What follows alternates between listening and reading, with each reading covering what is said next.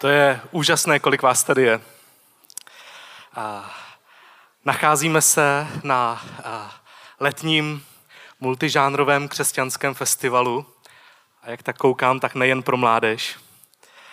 A e, to dnešní téma, o kterém e, budu mluvit, tak není ani lehké, ani legrační, ani nějak jako letně osvěžující.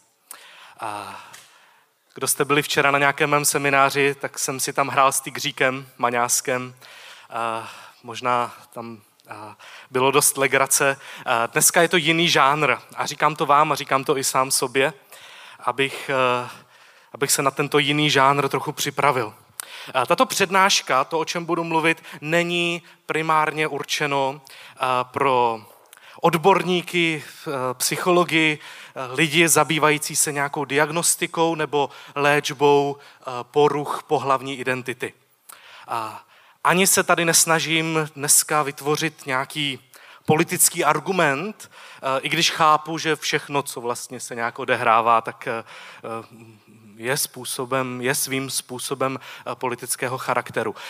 Jak už bylo řečeno, jsem kazatel, psycholog, učitel a mluvím z této perspektivy. Mé zaměření je na, na nás jako na uh, širokou, pestrou křesťanskou komunitu, uh, která si klade otázku, jak se orientovat ve světě, který je chaotický na mnoha úrovních. Jak, jak zůstat věrný evangeliu milosti, jak někdy sám přežít a jak stále ještě dokonce navíc sloužit druhým. A kdybych to měl ještě zúžit, tak eh, mám dneska eh, na mysli především ty z nás, eh, kterých se to téma genderového chaosu přímo dotýká. Že to není něco teoretického, hypotetického, akademického, že to je něco osobního, mého, tvého. Že to jsou naše příběhy tak z této pozice mluvím. Nemluvím tady o fenoménu, který by byl někde venku za, za zdmi tady tohoto eh, kulturního domu. Ne, je to něco, co je tady mezi námi v našich příbězích. A jsme to my sami, kdo hledá eh, cestu eh, pro sebe a pro své přátelé a, a pro naše rodiny a mládeže a sbory. To my se snažíme najít identitu v chaotickém světě a najít nějaké místo, kde máme aspoň trochu pevnou půdu pod nohama. Svět se mění neskutečně rychle. Tak rychle, že já, ani ne 40 letý, jsem vyrůstal úplně, v úplně jiném prostředí, než v jakém se teď pohybuji. Na počítač jsem si poprvé sáhl v osmé třídě. Tlačítkový mobil jsem měl ve druháku na střední. To je co? Existenci tématu sexuálních menšin a otázek genderu jsem v podstatě si také uvědomil až velmi pozdě. Přestože zpětně viděno, uh, už mnohem dřív jsem potkával lidi, kteří to řešili jako téma, osobní téma. Ale, ale nebylo to v mém vědomí, nebyla to kategorie, ve které já bych přemýšlel. Uh, Teprve, když jsem začal studovat ve škole a učil jsem se v předmětu sexualita, tak jsem, se, tak jsem si snažil zapamatovat slova jako bisexualita a homosexualita a transgender a porucha pohlavní identity a transvestitismus dvojí role. Měl jsem to napsané na kartičkách, z jedné strany byl pojem, z druhé strany byla definice a chodil jsem po městě a takhle jsem si to opakoval a měl jsem v tom genderový chaos. Měl jsem v tom chaos. Později a jsem se ve sboru a v rodině a v praxi setkal s lidmi, pro které to nebyla nějaká cizí slova, nějaká definice na lístečku, ale často velmi osobní a velmi bolestná zkušenost. A občas jsem byl první, kdo ten příběh slyšel, někdy jsem byl ten, kdo ho slyšel v celku, Měl jsem možnost díky své práci, díky svému možná i osobnímu nastavení, měl jsem možnost slyšet tyhle příběhy. A tak se to téma nějak prolnulo, postupně prolnulo s mým osobním životem. A zápasil jsem o to, o naději, o víru, o zbožnost, o svatost. Zjistil jsem postupně, že můžeme být spolu.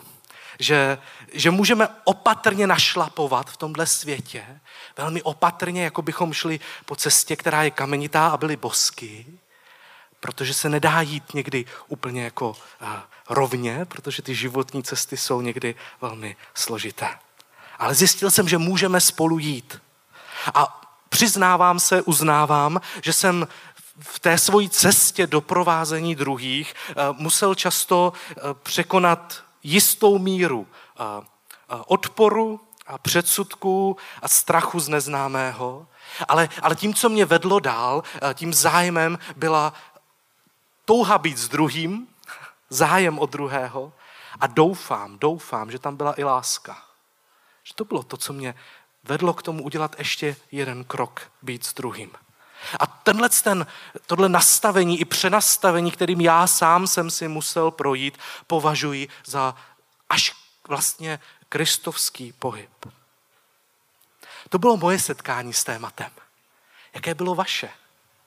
Kdy jste se poprvé s tímto tématem setkali?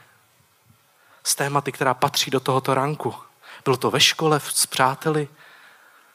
Bylo vám 25 nebo 5? Kde jste se s tím poprvé setkali?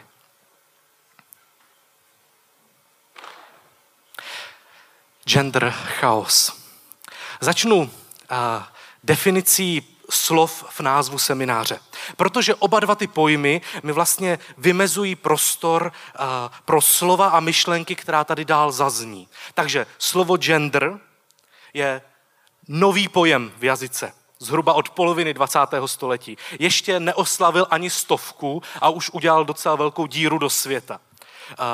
Ten pojem gender vlastně popisuje vnitřní psychickou a vnější sociální příslušnost e, k mužskému nebo ženskému pohlaví, e, které nutně nemusí korespondovat e, s pohlavím chromozomálním, biologickým ten pojem gender vznikal, vznikl vlastně jako uh, psychiatrická kategorie pro diagnostiku uh, zkušeností některých lidí, kteří popisují zkušenost, uh, možná znáte, cítím se jako muž v ženském těle, nebo naopak cítím se jako žena v mužském těle. To je metafora, to není realita. Zatím jsme ještě nezjistili, že kdybychom se rozřízli, tak tam najdeme opačné pohlaví v sobě. Ne, je to metafora, jazyková metafora, která prý dobře vystihuje to, jak to člověk prožívá. A říkám slovo prý, protože to není moje osobní zkušenost. Je zprostředkovaná z rozhovoru s lidma. A je to jazyková metafora. Slovo gender tedy znamená rod nebo pohlaví, které v naprosté většině případů koresponduje s tím biologickým. Takže já jsem muž, um, biologicky od chromozomů přes hormony až po vnější pohlavní znaky, ale jsem muž i genderově, eh, sociálně a nějak jako prožitkově, eh, i co se týče přitažlivosti sexuální, ale v určitém zlomku případů, zlomku případů, to prostě tak jasné není. To biologické a genderové spolu nemusí nutně korespondovat. A proto se zavedl tento pojem, aby se to dalo oddělit. To, to, to, to genderové pojetí, to genderové pohlaví, které člověk má, eh, tak, tak zároveň není jen něčím jeho, pro něho soukromým, a je to něco, co se jaksi dere na povrch. A je tam velmi silná touha, aby mě druzí takto viděli. Chci vlastně hrát tu mužskou, ženskou roli ve společnosti. Projeví se to i v sexuální přitažlivosti, ale, ale nejde tam primárně uh, o sex. V tom slova smyslu nějakého pohlavního styku. Je to, je to mnohem komplexnější uh, pojem nebo mnohem komplexnější uh, fenomén. To je slovo gender. Jestliže bylo slovo gender nové, tak slovo chaos je naopak až jako mýticky prastaré. Odkazuje k jedné ze základních zkušeností, kterou jako lidské organismy máme, a to, že eh, v rajské zahradě byl řád a okolo za jejími zdmi byl chaos. Chaos a řád. Obojí součástí světa. Obojí součástí prostoru, ve kterém se pohybujeme. Nejlépe fungujeme tak, když je tam od obojího trochu. Nejlépe smysl svého života chápeme ve chvíli, kdy do chaosu vnášíme nějaký řád. A, a zároveň ve chvíli, kdy prožíváme chaos, tak je to okolo toho spoustu velmi negativních emocí. A chaos je, já nevím, když letadla na letištích nabírají spoždění, protože není dostatek personálu po covidu a ruší se lety a ztrácejí zavazadla. Chaos. Chaos je, když do života páru ve spořádané čisté domácnosti vstoupí malé dítě. Chaos. Chaos eh, je to, co uvidíte, když se podíváte do, eh, do pokojíčku svého dospívajícího syna nebo dcery. Chaos je spousta emocí a slov předtím, než z nich vznikne krásná píseň, anebo luxusní báseň. Chaos řád. Chaos, jak jsem říkal, je, je spojen s celou řadou negativních emocí, ale není sám o sobě negativní. Je v něm zároveň ohromné množství nějakého potenciálu, akorát je to neutříděné. A náš smysl lidské existence je v tom, že se učíme tomu dávat nějak řád. A, a, a, a když prožívám chaos, tak je tam, mám spoustu emocí jako odporu a hněvu a tak dále a jsem takový rozházený. A, a mám, mám dvě možnosti. Buď to ten chaos zesílím právě svým hněvem, nebo svým odporem, nebo svou úzkostí, nebo svým strachem. Buď to emocím podlehnu a ten chaos ještě rozšířím, anebo naopak využiju eh, energii, kterou mi emoce dávají k tomu, abych právě teď vymyslel tu jednu věc, kterou můžu udělat pro to, abych, abych nepřispíval k chaosu, ale naopak, eh, naopak dal věcem maličko pořádek, aspoň ve svém životě. Představuji si, že když eh, v celé globální společnosti eh, prochází chaos, ať už eh, mluvíme o chaosu genderovém nebo válečném, nebo, nebo, nebo mluvíme o nějakých ideologických válkách, tak v podstatě jde, si to představuji tak, že od srdce k srdci, přes, přes zprávy a přes to, jak spolu mluvíme, se šíří vlny chaosu. A moje, teďka je moje rozhodnutí, právě ke mně dolehla nějaká vlna chaosu jako, jako rozbouřená vlna, dolehla k mému srdci a na mě je teď, jestli já se na té vlně svezu, jestli k ní ještě přidám svůj hněv a svoji emoci, anebo jestli přijmu zodpovědnost za svůj hněv, za svůj odpor a možná dokonce tu míru chaosu nějak zmenším. A v podstatě teďka o tom mluvím proto, že mým cílem toho co bych, o čem bych dneska, k čemu chci dneska směřovat, za co jsem se modlil, aby, aby to, to byl jakýsi efekt toho, o čem tady budu mluvit. Budou uh, srdce lidí, uh, kteří žijí v, v chaotickém světě a ta srdce budou schopna se aspoň trochu upokojit, najít nějakou stabilitu. Uh, chci, svou, chci spolu s vámi teďka do toho chaosu vstoupit a, a být v něm opravdový. A být součástí řešení a ne problému.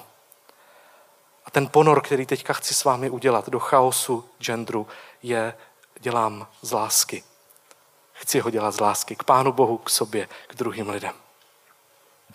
Pojďme si tedy ten uh, chaos v genderové identitě popsat. Začneme u takového globálního pohledu a budeme postupně až k pohledu na jednotlivce. Takže globální společenská rovina. Jak jsem vám říkal, já jsem to téma neřešil osobně a tedy jsem se s ním mohl setkat až, až na střední nebo vysoké škole. Tedy v dětství jsem měl o starost méně. Dneska je to něco, o čem mluví děti na prvním stupni základní školy. Ten chaos tam už je. Máte filmy a seriály, kde záměrně u některých postav nevíte, jestli je to e, muž nebo žena. A jestli vy jako divák to hnedka nepoznáte, tak to znamená, že ten, kdo ten film točil, chce, abyste nevěděli. Aby vám to vlastně bylo nakonec jedno. Abyste si na to zvykli, aby vám to nebylo odporné. Posun ve společnosti. Ve zprávách se dovíte, že někdo pojmenuje své dítě genderově neutrálně a že ho bude vychovávat tak, aby si jednou vybralo samo. A dělá to z přesvědčení, že mužství a ženství je jenom nějaký jako sociální konstrukt. Nedělá to proto, že i to je možnost, že se narodí člověk, u kterého to není jasné, jestli je to muž nebo žena. A to jsou zlomky, zlomky případů, ale, ale, eh, ale tady se to děje z, spíš jako z ideologických důvodů. Z bytostného přesvědčení, že vlastně mužství, ženství neexistuje. A, a tak si všíme, všímáme, kolik různých příběhů v tom internetovém světě e, najdeme o transportovcích a párech a, a tak dále. Je to, je to dostupné, kdyby člověk nechtěl. A, Došlo k velkému posunu, protože to téma najednou přestává být jenom psychiatrickou diagnózou, stává se pro někoho vlastně spíš možná politickou identitou, osobní identitou. Tím se v podstatě otevřela jakási pandořina skřínka, ze které eh, se nám šíří do světa chaos, že už tady najednou není potom jenom ta kategorie muž-žena. Někdo se prohlásí, nejsem ani jedno, nebo jsem obojí, anebo různé podvarianty a, a v určitých kruzích se tyto pojmy a identity a nálepky eh, množí jako houby po dešti. To je chaos. To je chaos. Myslím, že kdyby tehdy, nebo kdyby zůstalo jenom u té diagnózy psychiatrické, eh, tak to tady dneska neřešíme. Eh, funguje takzvaný eh, looping efekt, nebo efekt smyčky, že když se něco pojmenuje, tak se to tím zároveň změní. Příklad. Představte si prvek draslík. Jo? Draslík. Vidíme ho, změříme jeho vlastnosti, pak ho pojmenujeme, tak tohle je draslík. A začneme se k němu vztahovat jako k draslíkovi, začneme s ním dělat věci, které se dělají s draslíkem. A pak znovu změříme jeho vlastnosti, jestli zůstal stejným draslíkem. A změříme chemické vlastnosti a zjistíme, on je pořád stejný, nezávisle na tom, jak jsme ho pojmenovali. Ale lidi takhle nefungují. Lidi takhle nefungují. Když dáte člověku nálepku, když ho nějak označíte, když sami sebe nějak označíte, tak a změřili byste sami sebe, své chování a celkovou prostě osobnost před tou nálepkou a po ní, tak zjistíte, že se změníte. A to, co vás změnilo, je právě ta nálepka. Když dáme někomu nálepku, to je blázen, třeba proto, že vybočuje z normálu, tak ho tím pojmem zároveň nějak měníme. Je, je možné, že časem přijme identitu blázna. Ať už to znamená cokoliv. Když někoho prohlásíme za nemocného, když sami o sobě začneme přemýšlet jako o nemocném člověku, tak budu hrát roli nemocného. Změním se. Nálepka mě mění. To znamená, že ve chvíli, kdy začneme v, ve světě používat nějaké nálepky, třeba genderové nálepky, tak to mění tu společnost a mění to ty samotné lidi, kteří ty nálepky používají. Prostě to mění. Tím pádem pro to není vaše téma, to je téma eh, psychologů a sexuologů a psychiatrů, eh, protože dělat dneska diferenciální diagnostiku mezi tím, co je trans a co není, co je transgender a co není, je náročné. Protože ta, eh, u spousty lidí ta nálobka vlastně znamená už trošku něco jiného. Protože třeba se stane, že je mi 13 let, prožívám nějaký nějaký chaos, než jsem úplně spokojený nebo spokojená se svým tělem a přemýšlím, co se mnou je v nepořádku. A jedna z nálepek, která tady ve světě existuje, je, aha, co když jsem, co když je to trans, co když je to tohle. A já nevím, protože v sobě mám chaos a ten chaos je normální, protože patří k dospívání. To je jedna obrovská rovina eh, genderového chaosu. To jsou takové střípky, které tady teďka popisuju. A když bychom ale přešli z toho globálního světa, pojďme to zazumovat trošku na církev. A ten, ten chaos proniká do církve. Je to rozdělující téma. Protože v sobě bytostně jako lidé víry, lidé Bible, máme dva hlasy, které jdou proti sobě. První hlas je hlas čistoty, svatosti, zralosti, morálních požadavků. Chceme se chránit před světem, před vlivem světa. Chceme chránit děti před příliš uvolněnou sexuální výchovou. A, a vidíme tu, tu krizi a chceme prostě se nějak chránit. Chceme to mít aspoň v těch zborech, aspoň v těch mládežích nějak správné a čisté. To je velmi silný hlas. A pro tento hlas bychom našli spoustu eh, odůvodnění v Bibli. Hlas, kdy děláme hranice, stavíme zdi. Říkáme, tady je to čisté, tady je to nečisté. A možná se někdy ohlížíme za starými dobrými časy, eh, kdy se bojovalo na jiných frontách. A zároveň si nemůžeme pomoct, ale prostě v Bibli zaznívají i jiné hlasy. Hlasy pro překonání hranic a překonání bariér. A prostě od té doby, kdy Ježíš podle Janova Evangelia dechl na svoje učedníky a vdechl jim svého ducha a řekl jim, vy se stanete agenty odpuštění. Vy budete ti, kteří v moci ducha svatého půjdou do celého světa, budou překonávat všechny hranice odporu a nečistoty a budete se dotýkat lidí, kteří jsou jiní než vy. V téhle té síle ducha budete. A budete vnášet vztah a vazbu a odpuštění do, do, do rozděleného světa. A oba dva hlasy máme v Bibli. Proto je i tohle téma, o kterém dneska tak mluvíme, tak rozdělující pro nás křesťany, proto je pro mě tak těžké o tom teď mluvit, protože v Bibli mi zaznívají oba hlasy. A pak v církvi řešíme naprosto praktické otázky. A nejenom tady takovéto velké otázky, ale praktické, jestli takového človíčka pokřtíme, nepokřtíme, jestli může sloužit, jestli ho nakonec někým oddáme, anebo ne. A nebo jestli bude s mládežníkama v klučičím pokoji nebo dívčím pokoji. A příběhy, kdy uh, někdo přijde se svým genderovým chaosem doma, řekne, jak to má a že v tom je chaos. A nebo možná řekne, že už v tom nemá chaos, protože v tom měl chaos posledních deset let a nikdo si toho nevšiml. A on už teďka má jasno, protože si to dočetl na internetu. A teďka už má jasno. A kdyby mu to někdo spochybňoval, tak mu to ještě zkomplikuje. A doma se dozví, ne, ne, do církve tam jako nesmíš. Tam to ne, to prostě nejdřív si to musíš vyřešit, teprve potom můžeš. A tak možná přijde na bohoslužbu nebo poslouchá kázání a říká si, všichni jsou normální, jenom já jsem mimo. Je to jeho přecitlivělost? Nebo její přecitlivělost? Nebo je to selhání církve? Já nevím. Je to chaos.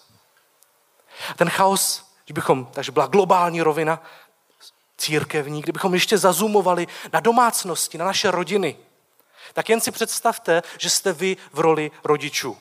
Eh, rodiče pojmenovali jste svého syna Honzíka. Žili jste v době, kdy všichni Honzíci, které jste znali, zůstali Honzíky až do své smrti a své jméno Honza předali další generaci Honzů a Aniček. A pak se najednou, pak najednou v té generaci se objeví jiný Honzík a ten Honzík z nějakého důvodu přijde a řekne, že chce být Anička. Že mají oslovat jako Aničku.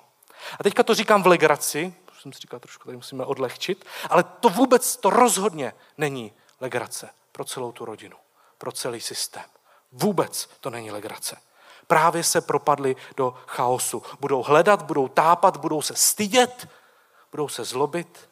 Je dost možné, že rodiče se rozdělí, že jeden bude víc podporující a ten druhý ne, protože oba dva hlasy je potřeba říct. A tak bude mezi rodičema krize a budou hledat a tápat a třeba možná najdou i někoho, kdo jim porozumí, nebo aspoň někoho, kdo bude s nima, než než společně najdou nějakou cestu. Globální rovina, církevní rodin, rovina, rovina rodiny. A dostáváme se k tomu poslednímu. Genderový chaos přímo ve mně, přímo v člověku. Vždyť to není jenom politické, ideologické, církevní, náboženské, rodinné téma. Je to moje, je to moje tělo, ve kterém jsem. Moje myšlenky, které se mě honí v hlavě. Moje otázka, co si ráno vezmu za oblečení. Moje naštvání eh, z toho, jak, eh, jak, jak věci jsou. Jste předškolní dívenka. Maminka po vás chce, abyste nosili šatičky, vám to přijde odporné a nevíte proč. Prostě se o tom vždycky doma hádáte. A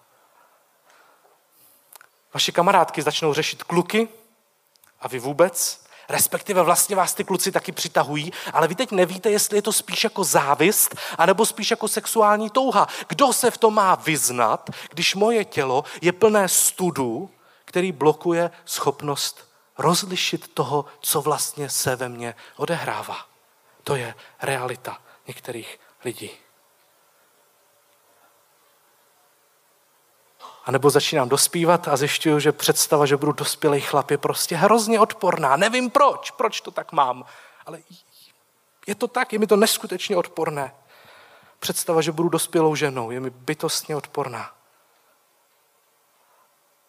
A do tohohle mého emočního chaosu mi občas někdo začne vyprávět příběh, že existují lidé, které přitahuje opačné pohlaví a je to pro mě těžší v létě, když si jdu zaplavat a já, když si jdou všichni zaplavat a já nemůžu. Prostě, prostě chaos.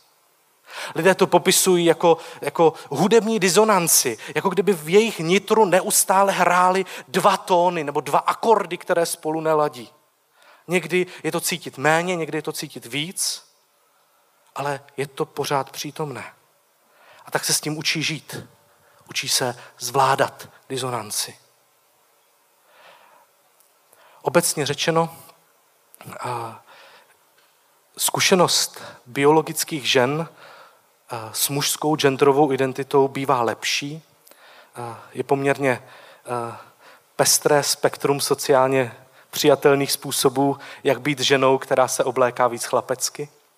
Dá se to udělat, je to možná někdy jednodušší, zatímco být mužem, který si vezme sukni, to je velký, velký jako krok. A to je chaos, který prostě někteří lidé prožívají.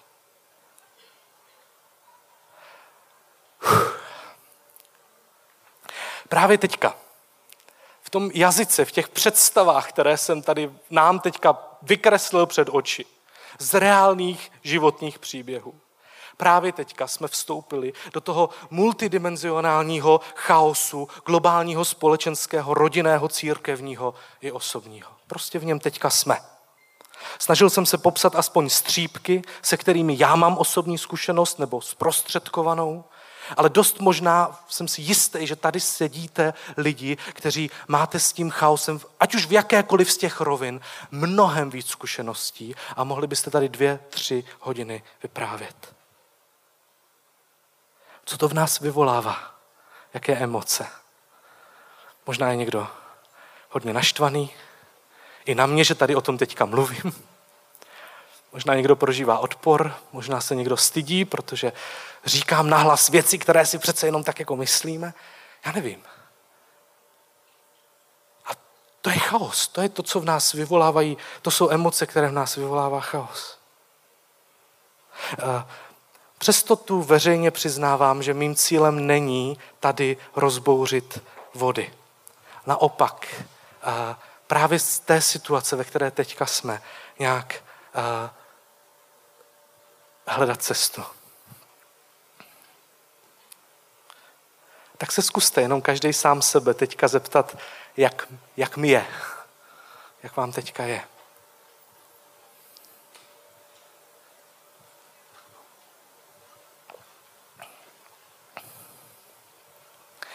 Co potřebuji jako výbavu, nebo co mám jako výbavu, když vstupuji do chaotického světa? Občas potřebuju jakýsi nadhled. Co udělal Bilbo, když se z trpaslíky ztratil v temném hvozdu? Co udělal? Vylezl na nejvyšší strom v okolí a rozhlédl se. A viděl něco užitečného? No, to záleží na tom, jestli čtete knížku nebo vidíte film. Neviděl vůbec nic. Vylezl na nejvyšší strom a podle knihy se rozhlédl a protože ten nejvyšší strom byl stále v údolí v lese, tak viděl jenom moře stromů na všechny strany. A troufám si říct, že hlubina člověka, který Tolkiena, který tento eh, moment vykreslil, je větší než hlubina člověka, který natočil film, pardon, protože tam Bilbo vyleze na ten strom a vidí tu osamělou horu, řekne, tam je ten směr správný. Ne, to se v knize nestalo. Vyleze nejvejš, co může a stejně nevidí řešení. Myslím si, že je v tom cosi hlubok, hlubokého.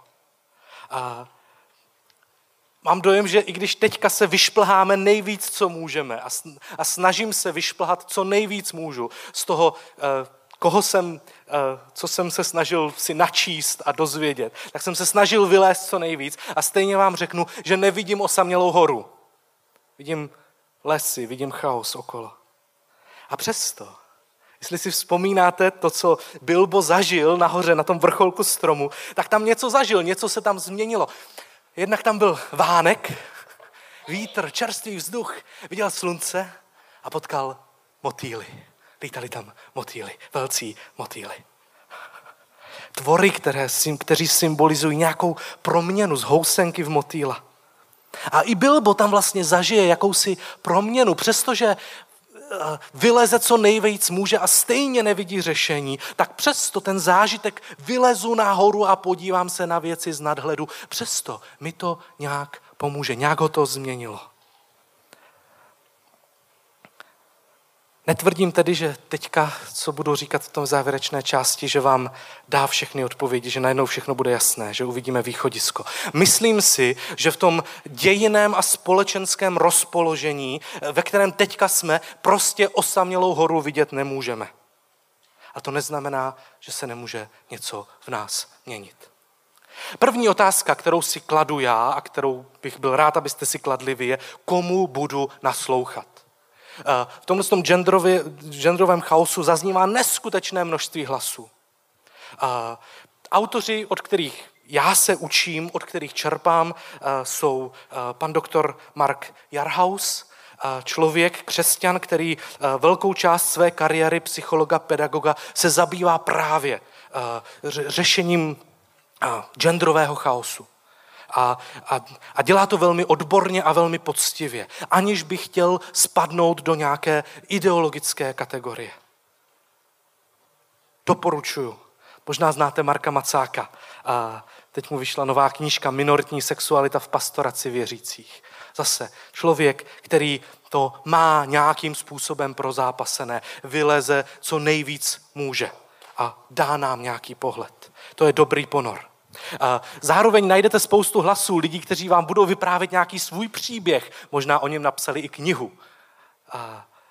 Jakmile uvidíte, že to je člověk, který vypráví svůj příběh, tak to berte jako jeho příběh.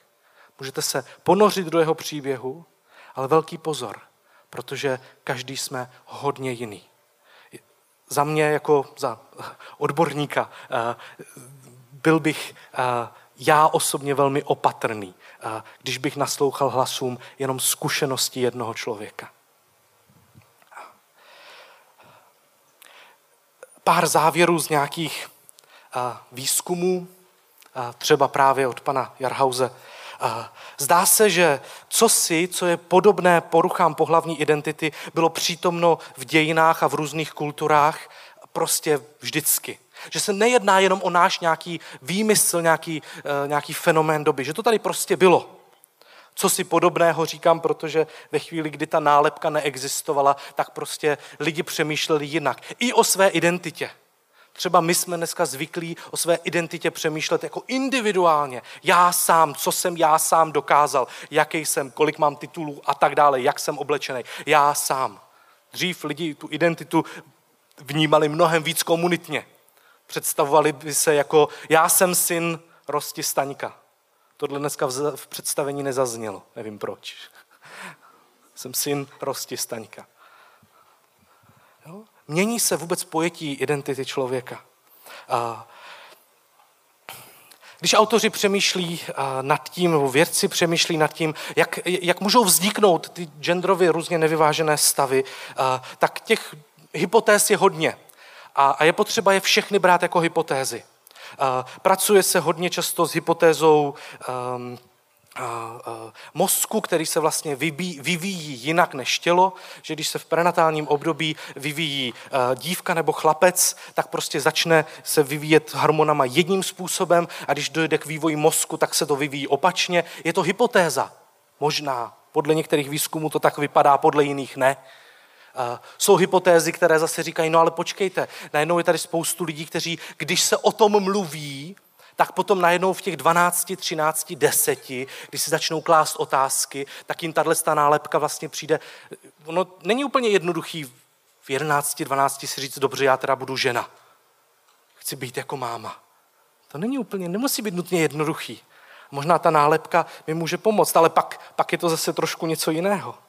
Je spoustu teorií vzniku. A, je velmi složité na jednu ukázat prstem a říct, takhle to je. Protože to, co máme mezi ušima, je neskutečně složité. Počítám, že máte všichni mobily. Umíte s nima pracovat. Umíte poskládat mobil, kdybych vám dal mm, chemické prvky, ze kterých je složen, vyrobili byste mi mobil někdo? Ne. Možná nějaký odborník ano, ale eh, nebo umíte používat letadlo, umíte vlízt do letadla a někam letět. Umíte složit letadlo? Poskládali byste letadlo? No asi ne. Jo? Kdyby to letadlo mělo nějaký problém, zjistili byste, co je s ním špatně? Ne. A teďka si představte, že to, co máme mezi ušima, je, je mnoha, mnoha, mnoha řádově víc, než je mobil nebo letadlo. To je tak složitý, tak komplexní. A je teprve třeba nějakých možná 20 let, kdy jsme schopní vlastně vidět a pozorovat mozek za běhu, sledovat, co se v něm udělává, odehrává za běhu. A už v této době, po tolika letech, se vlastně mění perspektiva vývojové psychologie a spousta věcí v psychologii a v tom, jak rozumíme, co je člověk. Protože prostě je to ohromné tajemství, to, kdo jsme a jak fungujeme. Je velmi důležité přistupovat ke všem výrokům o tom, kdo jsem a jaký jsem, velmi, velmi opatrně.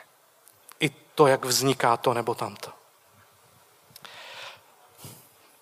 Jak rozlišit jednotlivé hlasy v tomhle dialogu, v tom chaotickém světě, který, ve kterém žijeme?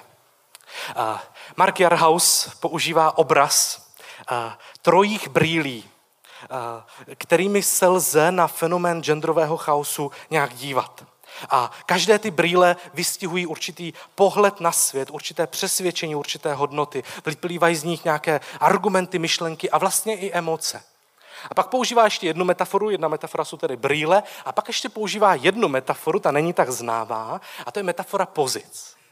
Já vám to předvedu. Eh, když udělám, když udělám tohle, jo, to je dobrá pozice, že jo? Kolik mám možností, co všechno můžu teďka zvládat za gesta u toho? No, moc, moc možností nemám. Kdyby do mě teďka někdo strčil, tak asi spadnu. Jo? Když udělám tuhle pozici, si kleknu, zase, jsem v nějaké životní pozici, znamená to teďka, že mám víc stability, že jo, najednou, ale taky dosáhnu do menší vzdálenosti. A kdo jste někdy dělali sport nějaký, třeba eh, tenis, nebo volejbal, nebo, nebo box, nebo něco takového, tak, tak víte, že základem, co vás učí, je správný postoj. Postoj, ve kterým vy máte spoustu možností zareagovat. A teďka tam, a teďka tam. Jo? Na postoji záleží, z postoje vnitřního postoje, nebo vnějšího postoje, se odvíjí gesta, která já můžu dělat. A teďka si pojďte představit takové tři, eh, tři hlasy, které v tom, v, tom, v tom genderovém eh, chaosu zaznívají. A ty tři hlasy jsou jako různé pozice. První pozice, můžete si ji představit jako pozici sedícího nebo klečícího člověka. Je to pozice integrity. Pozice, je to nejtradičnější způsob. Eh, zaznívají tady hlasy zdůrazňující podřízení se té biologické identitě. Mužství, ženství, je to dáno stvořením. Eh, všechno, transexualita, hormonální léčba, operace, převlékání, to všechno jde proti nějakému svatému, čistému, dobrému božímu řádu. Takhle je to dobře. Přečtěte si zákazy v knize Deuteronomium. Je to své vole dělat něco jiného. Z kazatelny zaznívají věty jako každá tvá buňka ti přece říká, že jsi žena, tak to respektuj. Je to nějaká prostě pozice, kterou můžu mít, dává mi hodně stability. Hodně stability, protože je to takový jako, eh, jako hmatatelný. Nic mě jen tak nerozhází, takhle je to prostě správně. Zároveň nevýhoda tohoto, tohoto postoje, něco, co mi neumožňuje, je, že mám poměrně malý dosah. Je to muž, je to žena, je to jasné. Budou mít manžel, budou manželé, nakonec budou mít pár dětí a to je správné. A vystačím si s tím, dokud nepotkám někoho, kdo je jiný než já. Zároveň je to dobrá pozice, protože když potom máte člověka, který ve 13 letech začne mít chaos v tom, jak přemýšlí o světě, tak vy mu řeknete, je to jasný, jsi muž, jsi žena, nešpekuluj nad tím, a pokud to pro něho eh, opravdu není téma, které by řešil od druhé třídy, tak tak mu tím pomůžete, protože mu dáte trošku řádu do chaosu, který má. Je to pozice, eh, se kterou se setkáme v církvi velmi často. Pozice integrity, pozice, můžete si představit, sedícího člověka. Druhou pozici si můžeme představit jako pozici stojícího člověka. Takhle. Mám víc manévrovacího prostoru. Je to pozice disability.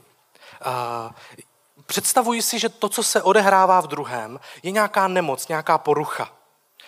Je tady něco, co mu překáží šťastnému a spokojenému životu a je potřeba hledat, jak duchovně a terapeuticky a vlastně i lékařsky mu pomoci, aby nějak jako přežil tady na zemi. Není to otázka morálky. Jo, v této první pozici, otázka genderu a mého eh, pohlaví, je otázka morálky, co je správně, co je dobře. Tady ne, tady je to otázka zdraví a nemoci. Svět je porušený, jsme nemocní, tam byl důraz na stvoření, jak Bůh stvořil svět. Tady je důraz na pád, na to, že žijeme v, v porušeném světě. A najednou mám zase jiný manévrovací prostor. Můžu dělat jiná gesta z této pozice. A můžu si vzpomenout na apoštola Pavla, na jeho pověstný osten, se kterým žije a který ho obtěžuje a stráží, ale Pavel díky němu se učí žít z milosti. Tento postoj mého těla mě umožní druhého vidět a možná pohladit a mít s ním soucit. Umožní mi to být s ním. A zároveň je tady jenom krůček k tomu, abych přemýšlel nad tím, co mu teda pomůže, jak mu pomoct, když, když v tom má ten chaos, jak mu pomůžu. Uh, můžu mu pomoct tak, aby to nějak zvládal, no ale co kdyby tady byly prášky, které by mu pomohly, nebo operace, která by mu pomohla. To je, to je něco, co vlastně otevírá tady tenhle, ten, jakmile budu mít tenhle postoj, tak najednou můžu dosáhnout i do těchto prostorů, kam by mě nepustilo to, kdybych za, z, vybral tu první pozici. A pak je to ještě třetí pozice. Pozice integrity, disability, pozice eh, diverzity. Můžete si představit, takhle si stoupnu.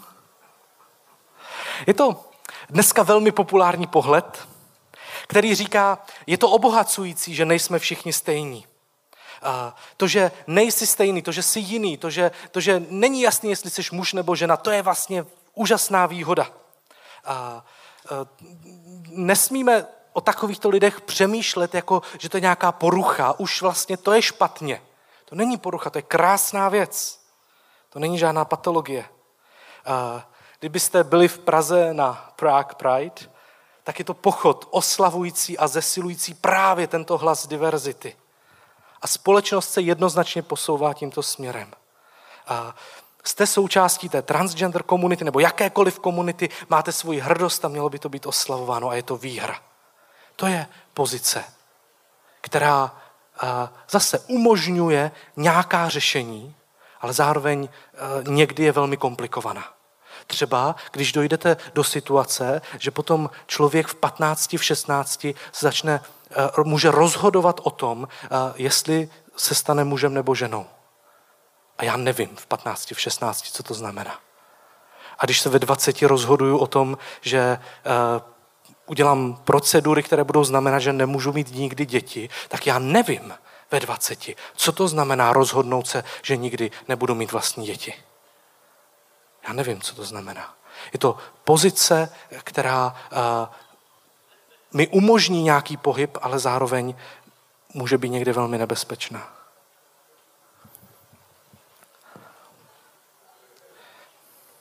Dovedete si představit zástupce těchto hlasů, které ve světě a vlastně i v církvi najdeme? Integrity, a nemoci nebo disability i diverzity. Existují ve světě okolo nás. Možná znáte argumenty všech tří stran. A kdyby to, kdybyste se jenom podívali do mé knihovny, tak uvidíte, že ti autoři, kteří tam jsou, jejichž knihy jsou takhle vedle sebe, tak kdyby se potkali na té stejné poličce ti autoři, tak se asi pěkně porafou. Kdyby se dostali do nějaké internetové přestřelky názorů, tak by se porafali, protože každý ten hlas říká trochu něco jiného.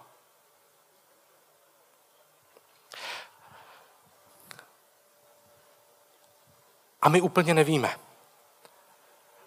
Protože ani jeden z těch hlasů se nezdá, že by vystihoval úplně všechno správně? Nevíme. Jsou lepší a jsou horší, jsou zbožnější a méně zbožné. A to, co mi přijde jako, jako důležité pro mě osobně, a postoje, se kterými e, přicházím k lidem. Protože věřím tomu, že církev je tady od toho, ne aby dělala nějaká politická prohlášení, aby veřejně někde křičela. Znovu opakuji ten krásný obraz, kdy Ježíš dýchne na své učedníky, dá jim svého ducha a řekne, přijměte ducha svatého, komu odpustíte hříchy, tomu jsou odpuštěny, komu je zadržíte, tomu jsou zadrženy. Co to znamená být církví, která vstupuje do vztahu s lidmi? Představuji si tak, že v tomhle tom chaotickém světě, ve kterém se nacházíme, my jako lidé, kteří máme pevnou identitu v Kristu, tak můžeme pomáhat druhým, být s druhými. Podělím se s váma o čtyři hodnoty, které mám v sobě, když se setkávám s druhým člověkem. První, vidím druhého tak, že je jedinečný a že je víc než jakákoliv nálepka. Když mi někdo řekne, asi jsem trans nebo něco, mě to nic neřekne. Já chci poznat, co ten člověk je, kdo je, z jaké pochází rodiny, co má rád, jaká má obdarování. To je neskutečně důležité. Vidět člověka, snažit se ho vidět víc než jenom jako nějakou nálepku.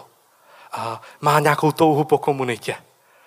Má svoje silné stránky, svoje slabiny. Takhle ho chci vidět, chci ho poznat. To mi umožní s ním být ve vztahu. A vztah, blízkost je něco, co, co neskutečně nám pomáhá jako lidem. K tomu jsme stvořeni, to můžeme každý nabídnout druhým. To je první věc, kterou dělám. A za druhé chci vidět druhého nejenom jako toho jednotlivce, který teďka řeší nějaký problém, vidím ho v systému, jeho rodiny, jeho vztahů, a prostě to, že teďka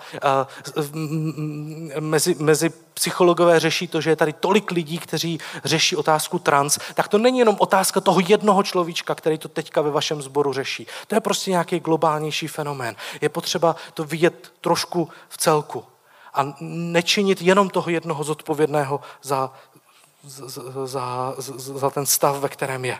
Prostě nevíme, co se to s náma lidma děje. Za třetí důvěřuju Pánu Bohu. To znamená, že teďka tady s tím člověkem jsem v přítomnosti a nevím, kam nás cesta zavede. A pokračujeme velmi opatrně. A zvlášť, když budeme dělat velká rozhodnutí, eh, třeba komu to říct a komu neříct, anebo jak to nějak řešit, tak opatr, pos, eh, pokračujeme velmi, nebo kráčíme velmi opatrně s důvěrou v Boha. Já nemám pod kontrolou ten proces, ale to nevadí. To nevadí. Já mám já jsem v boží náruči. Důvěřuju Pána Boha. A to čtvrté, směřujeme ke zralosti. A ať, už je, ať už se potkáte s kýmkoliv, tak vždycky je možnost udělat nějaký krok ke zralosti, k tomu, eh, aby byly věci trošku lepší, než byly včera. Vždycky jde něco takového udělat. S jedním človíčkem přemýšlíme nad tím, jak se modlit za jeho eh, chaos, který má v sobě. A už roky nad tím přemýšlíme, jak se modlit.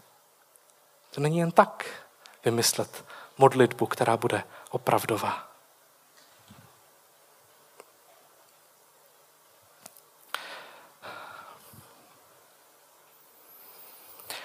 Vylezli jsme společně z toho chaosu temného hvozdu na nejvyšší strom v okolí, rozhlédli jsme se a stejně jsme možná neviděli jednoduché řešení a směr naší cesty.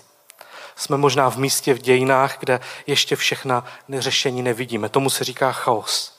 To ale neznamená, že to setkání, které i teďka tady jsme měli, nemůže být transformativní.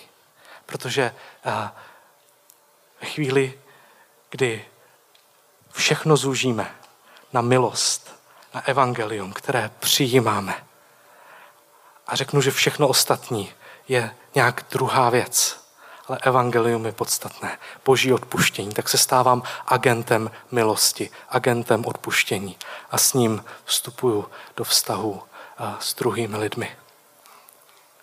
A tak s ním o církvi Kristově, která v tom hlučném, chaotickém světě bude tichým hlasem, který na individuální rovině proměňuje lidské životy. Hospodine, prosím, pomož nám. Podívej se na nás na to, kde jsme. Amen.